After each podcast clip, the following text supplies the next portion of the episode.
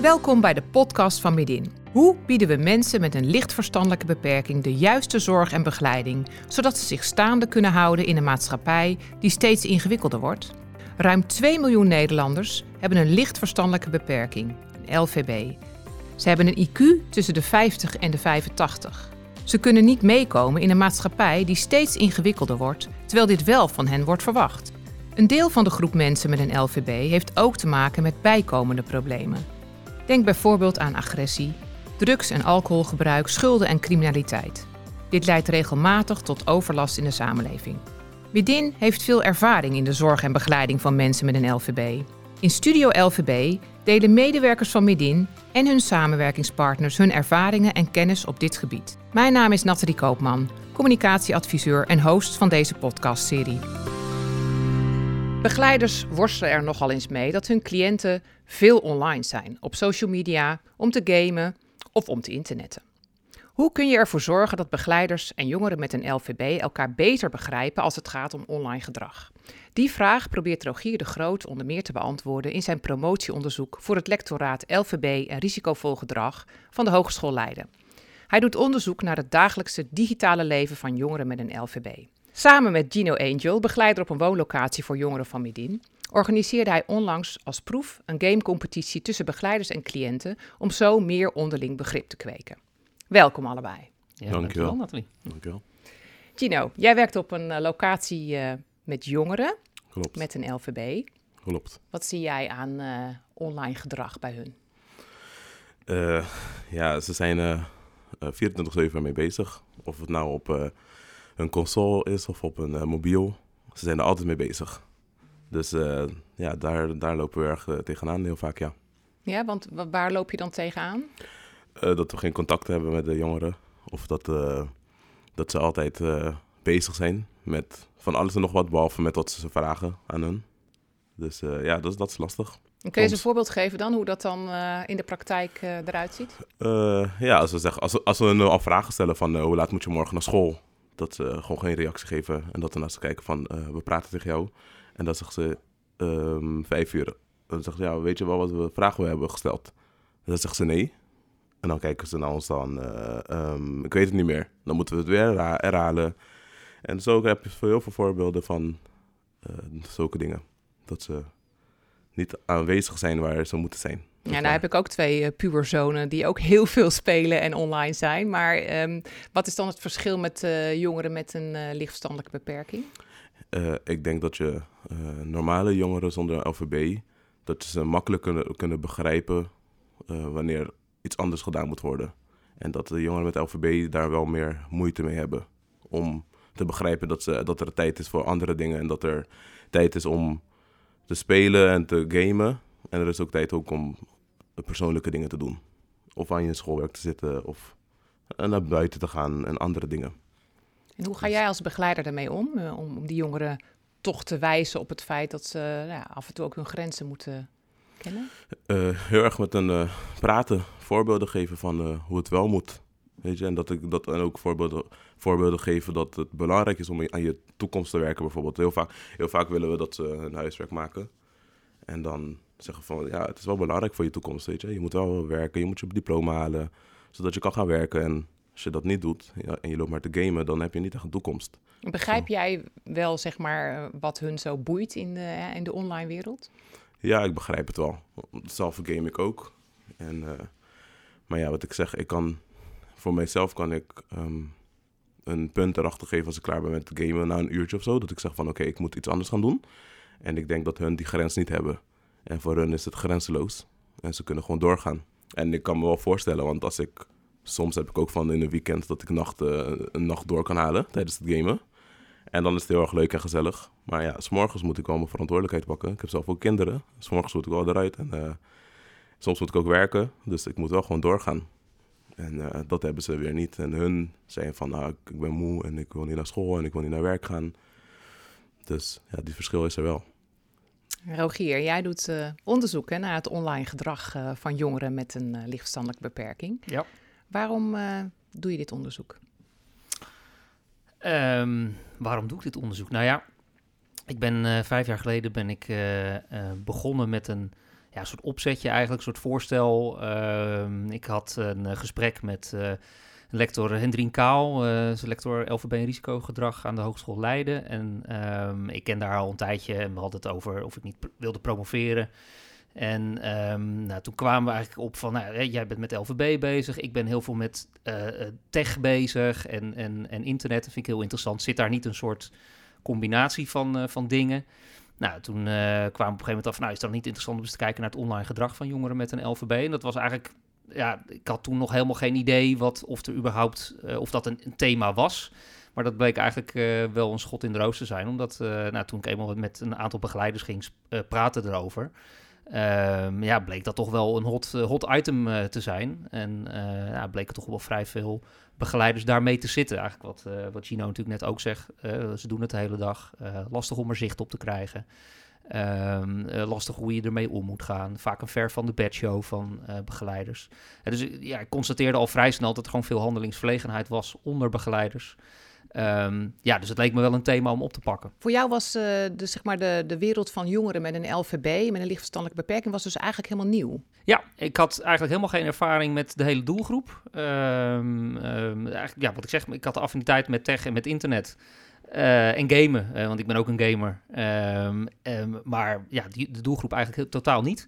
Dus ik ben daar eigenlijk ingedoken. En ik kwam er eigenlijk wel vrij snel achter, eigenlijk precies wat Gino zegt, dat er wel veel, hè, er wordt wel veel over deze jongeren uh, gesproken als het gaat om online gedrag. Vaak toch wat negatief. Hè. Veel vanuit het is verslavend, um, loverboys die, die, die achter ze aan zitten online.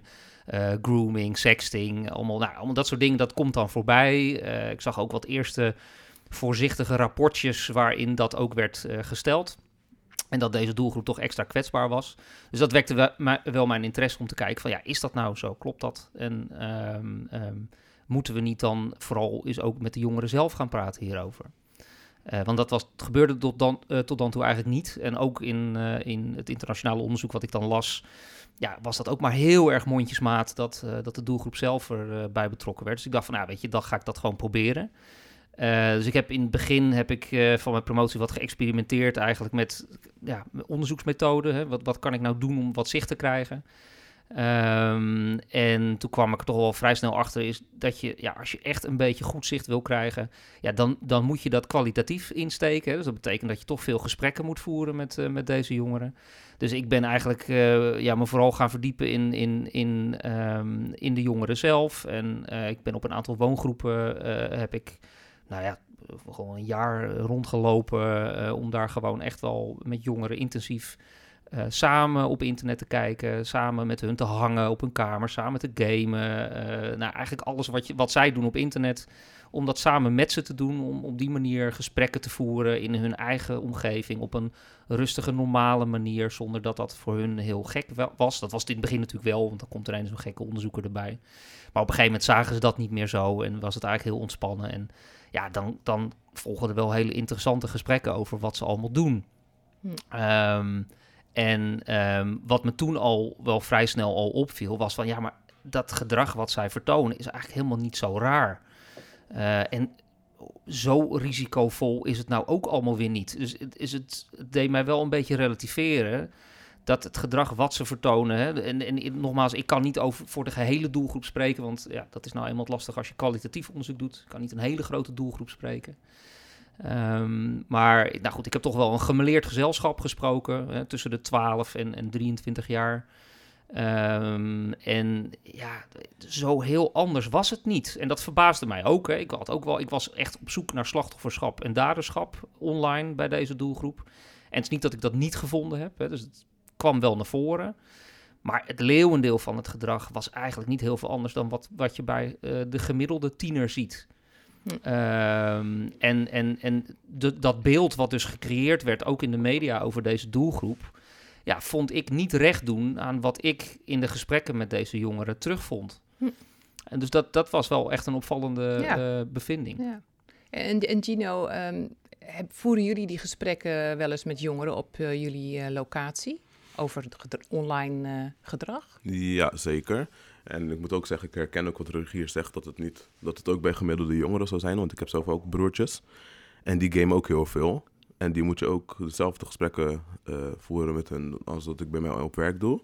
Dat ze, ehm, ja, niet moeten, dat ze moeten stoppen met spelen en ook anderen gaan je huiswerk moeten gaan zitten. Of, ja, dus die gesprekken voeren wij ook met ze, weet je. Dat we zeggen van ja, je kan niet heel de nacht spelen terwijl je s'morgens weer naar school moet. En eh, bij ons is het wel zo dat soms het internet uitvalt in de nacht. Dus dat is voor een rust ook. Weet je, dat ze toch wel kunnen rusten. Dan zetten jullie het gewoon uit? Nee, het gaat automatisch uit. Het, het, zit er, het zit er gewoon in dat het auto, de wifi valt uit.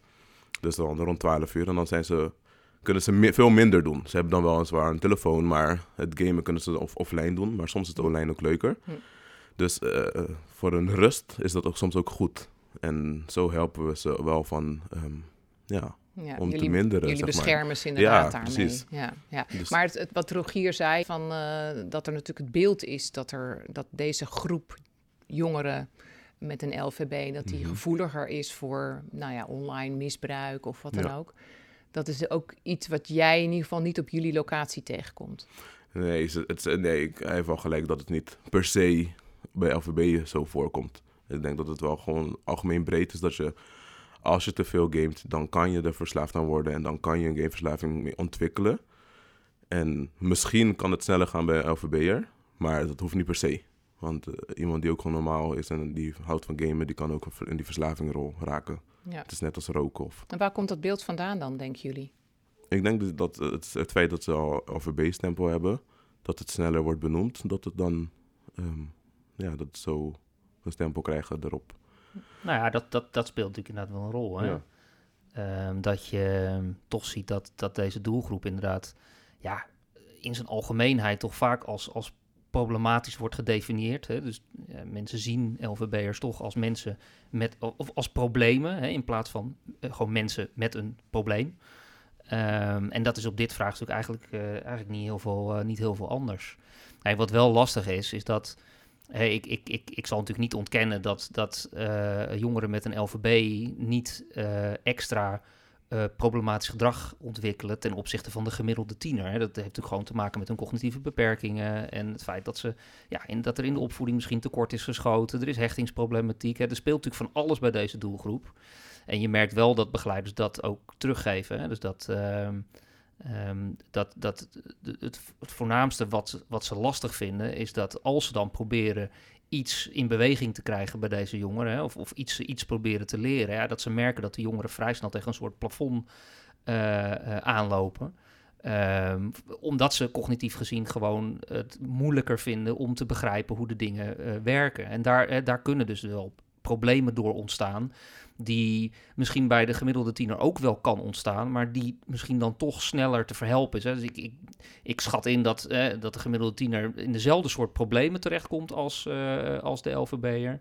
Maar het leerproces zal bij de gemiddelde tiener denk ik toch sneller gaan. Ik denk toch dat eh, als je een keertje problemen hebt gehad rond sexting, dan denk je dat de gemiddelde tiener daar nou, wel snel van leert.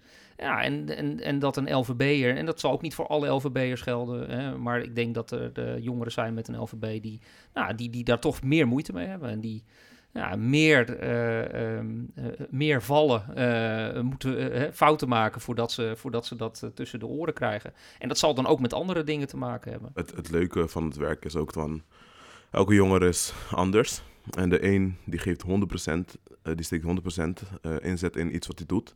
Dus als je zegt van ga werken, dan gaat hij, wil hij 50 uur per week werken. En als je gaat gamen, dan wil hij constant gamen. En de andere is heel lax. En dus er is verschillende degradaties daarin ook. En dat is ook leuk om te zien ook. En om mee te werken ook.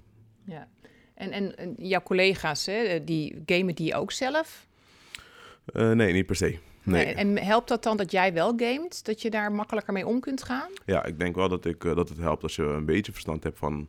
Uh, wat er allemaal gebeurt. Weet je, het zijn van die kleine voorbeelden als als je online gamet, dat je geen pauze kan drukken. Dat hoor je heel vaak terug. Weet je, dat mensen denken van ja, je moet nu iets doen. En dan hebben ze zoiets van ja, maar je kan nog niet. En als je dat niet begrijpt, als je niet weet waar het vandaan komt, dan kan je de moeite, ja, daar heb je er wel mee moeite om te begeleiden, zeg maar. Maar als je er, als je, ja, daarom hebben we dit ook gedaan, dat we in een wereldje kunnen komen tijdens het game om te kijken hoe het daadwerkelijk werkt. Weet je, ja. dat je niet altijd pauze kan drukken als je midden in een race zit of ja. ja. Want jullie hebben samen uh, het initiatief genomen om een uh, gamecompetitie te organiseren op de locatie van Gino. Ja. Ehm, kun je eens iets vertellen, Rogier, uh, hoe je dat hebt aangepakt? Ja, nou, ik heb ehm, via een aantal locatiemanagers uh, gevraagd of er uh, begeleiders waren die het leuk zouden vinden om samen met mij um, nou ja, wat te experimenteren eigenlijk um, als het gaat om nou ja, het online gedrag en, wat kun je daaraan doen. Dus ik heb gewoon een aantal, nou, waaronder Gino, een aantal begeleiders gevraagd van joh, zijn er nou dingen op, op jullie groep als het gaat om dat online gedrag waar jullie tegenaan lopen of waar jullie graag iets mee zouden willen. Nou, en bij Gino uh, kwam er eigenlijk al vrij snel naar boven dat het, het, overmatige gamen wat de jongeren doen, dat dat echt wel een issue was. Dat dat wel invloed had op hun gedrag ook. Hè, wat korter af, sommigen ook wat agressiever. Er werd ook wel gescholden. Doen hun taken dan niet in huis. sommige jongeren die, ja, die staan dan s niet meer op omdat ze de hele nacht aan het gamen zijn. Ja, weet je, allemaal dat soort problemen. Wat, wat best ingewikkeld is. En nou ja, waarvan we zoiets hadden van nou laten we daar dan kijken hoe we daar iets aan kunnen doen. Hè? Of hoe we op een andere manier kunnen omgaan met dat gedrag. Hè, want je bent natuurlijk als begeleider, en dat heb je denk ik als ouder ook, vrij snel geneigd om te denken van nou, ik moet de stekker eruit trekken. Of ik moet, ik moet afspraken maken dat het minder moet. en de vraag is of dat altijd het meest verstandige route is. Um, zeker op het moment dat de jongere het idee heeft van ja, maar wacht even, weet je, die, die volwassene, die begrijpt mij eigenlijk helemaal niet. Weet je, die begrijpt niet wat ik aan het doen ben. Dus waarom zou ik überhaupt luisteren naar wat hij doet? Weet je, hij begrijpt mij ook niet. Dus um, kwamen we er uiteindelijk op uit van, nou laten we dan iets, iets proberen te organiseren. waarbij we wat meer wederzijds begrip kunnen kweken tussen begeleiders en jongeren. Nou, en dat werd al vrij snel werd dat een, een, een gamecompetitie. dus wat ik eigenlijk altijd probeer, eh, ja, toch een beetje om te denken. om het, het, het problematische gedrag juist om te draaien naar iets positiefs. En ik dacht, nou, zo'n gamecompetitie, dat is leuk, want dan kan je... Uh, dat, de, jongeren vinden dat leuk, dus die, die heb je al. Um, en uh, het, het, het, helpt misschien als je dat samen met begeleiders doet. Hè, dat ze ook wat meer leren zien van... oké, hoe zit dat nou met dat gamen? Wat is het nou eigenlijk? Waarom is het eigenlijk leuk? Um, en, en laat ze dat dan samen met die begeleiders uh, eens doen. Dus laat ze maar potjes uh, uh, het uitvechten. Nou, we hebben, uiteindelijk hebben we dat met Mario Kart gedaan. Hè? Dus dat is dan racen tegen elkaar. Ehm, we hebben een soort klein systeempje gemaakt met, met puntentelling. En dan uiteindelijk gingen koppeltjes van begeleiders en jongeren tegen elkaar racen. Nou, dat was eigenlijk hartstikke leuk. En de jongeren waren, waren super enthousiast. Uh, ook al hebben we het hè, bescheiden opgezet, ja. maar het idee erachter was, was ja, dat, dat pakte perfect uit. Uh, er was, zat een begeleider, jouw collega, ja. uh, Svenja, die ehm, geen ervaring had met gamen. Helemaal niet. helemaal niet. In het begin ook behoorlijk gefrustreerd was dat ze niet goed wist hoe het werkte. Um, nou, en toch naarmate de, de, de, de races vorderden, kwam ze er wat beter in. Sterker nog, ze werd behoorlijk fanatiek. Ja, klopt. En dat was heel leuk om te zien. En de jongeren waren natuurlijk ook fanatiek bezig. Nou, wij deden ook mee. En op een gegeven moment kwam een, een, een van de jongeren die niet meedeed, die kwam binnen en die wilde graag met Svenja praten. Ja. En, uh, en, en toen zei Svenja gelijk zo van, ja, ja nu even niet. Ik zit, er, ik zit nu midden in de race. en en nou, dan, dan zou je kunnen verwachten dat zo'n jongere misschien in, hè, wat, wat gefrustreerd of boos reageert. Maar dat gebeurde eigenlijk helemaal niet. Hè. Eigenlijk was hij heel geduldig en hij vroeg gelijk van, oh, wat zijn jullie dan aan het doen? En nou, hoeveel races doen jullie dan? En welke cups zijn jullie aan het doen? Oh, oké, nou dan weet ik, dan wacht ik wel eventjes. Klopt. Ja, ja mooi om, om te horen, dit voorbeeld ook. Uh, ja. hè, dat je dus met zo'n uh, eenvoudige gameavond uh, dat begrip ja. eigenlijk kunt creëren. En wat ik ook heel mooi vind, is dat de cliënt ook juist weer begreep Klopt. dat Svenja uh, in een spelletje zat. Ja, en dus even haar en niet uh, zijn vraag kon beantwoorden. Nee, nee, precies. Ja, de jongeren vonden het helemaal geweldig dat we het überhaupt zo hebben georganiseerd. En dat, uh, want ik denk omdat weinig collega's van mij affiniteit hebben met het gamen, dat dit weinig wordt georganiseerd ook. Er wordt wel van alles georganiseerd hoor, ze genoeg. Maar nooit met het gamen zelf. Ik denk ook meer omdat men denkt van, ja, ze gamen toch al de hele dag, dus dan gaan we niet echt zo or iets organiseren. Maar juist omdat we dit hebben georganiseerd, hebben ze echt super enthousiast erop gereageerd. En ja, iedereen deed echt mee aan alle dingen wat ik ze vroeg. Weet je, ik had vragenlijsten voor ze, gingen ze invullen. Na afloop, hoe hebben ze het gedaan? Wat vond je ervan? Dus normaal hebben ze echt altijd van, ja, ik wil dit niet invullen. En nu, omdat het echt naar hun gericht was, konden ze echt wel alles van alles invullen. En dat was wel leuk om te zien. Ja.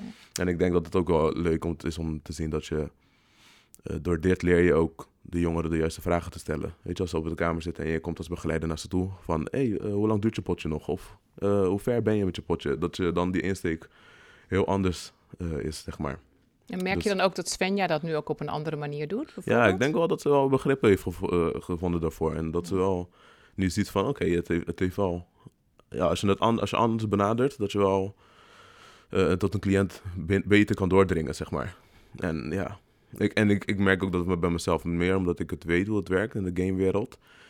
Eh, kom ik soms in een kamer, ik zeg, hoe lang duurt die pot nog, weet je? En ik, of ik kijk zelf, oké, je hebt nog eh, twee minuten en dan, en dan kom je, weet je? En dan weten ze van, ze weten omdat ik weet, want als, je, als, als ik er niks van weet, dan kunnen ze makkelijk zeggen, ja, ik moet nog eh, tien minuten, weet je? Dus, maar het feit dat je een beetje ervan weet, dan kan je wel Ja. de juiste lijnen met ze Ja. trekken, zeg maar. Dus dat is ook eigenlijk een oproep wat jullie zouden willen doen naar andere locaties en begeleiders. Van goh, ga er inderdaad, eh, hè, ga er eens mee spelen ook, eh, Ja. letterlijk. Nou ja, dat. En ik, en ik, ik denk dat. ehm, het, kijk, het klinkt allemaal zo simpel. Hè? En dat is het. Ik wil niet zeggen, het is natuurlijk voor de een veel makkelijker dan voor de ander. precies. Dat is, dat is, eh, het is niet zo dat het allemaal zomaar even makkelijk gaat. Maar ik denk wel dat er heel veel simpele dingen zijn die, die, ja, die, nou, die we onvoldoende zien en die we, die we kunnen verbeteren. En, en in dit geval, hè, wat jij beschrijft, is eigenlijk gewoon het normale opvoeden. Weet je, je, Mhm. je creëert gewoon een normale situatie. Je, je gaat gewoon lekker met elkaar op de bank zitten. Je hebt gewoon een gezellige avond. Eh, voor de jongeren zit er ook niet per se een doel achter. Hè? Want zodra je ook maar hè, eh, begint over van... Hè, ja, maar het is, eh, als, als je zo had gezegd van... het is als doel om gameverslaving te verminderen... nou, haken ze af. Ja, klopt. Hè? Dus, dus dat moet je ook niet doen, denk ik. Het gaat gewoon, je wil gewoon het, je wil gewoon het normaliseren. eh, en niet problematiseren. En, ik, en dat is denk ik voor veel eh, eh, mensen die in de zorg werken ingewikkeld. Want je bent natuurlijk de hele dag met mensen aan het werk die heel veel problemen hebben. En dan is het heel lastig, denk ik, om, eh, ehm, eh, om normaal op te voeden. En ik denk wel dat, dat veel jongeren daar wel behoefte aan hebben. Aan gewoon meer ja, normaal in hun leven. Ehm, en, en, en, en dat daar natuurlijk ook problemen zijn waar je aandacht aan moet besteden. Ja, dat lijkt me logisch. Maar nu is, nou, lijkt, vind ik, hè, dat is mijn eh, optiek, is die balans van eh, kijken naar problemen versus gewoon hè, de, de normale dingen in het leven, die, ja, die is, vind ik, te ver doorgeslagen naar het kijken naar problemen. En nogmaals, ik snap dat is makkelijk lullen, want ik hoef niet dagelijks met deze doelgroep eh, eh, te werken. Dus ik begrijp hoe ingewikkeld dit is. Maar ik denk wel dat we daar veel meer bewust mee bezig moeten zijn. En je ziet ook, hè, als je dat in het klein doet, je ziet het ook wat het met die jongeren doet.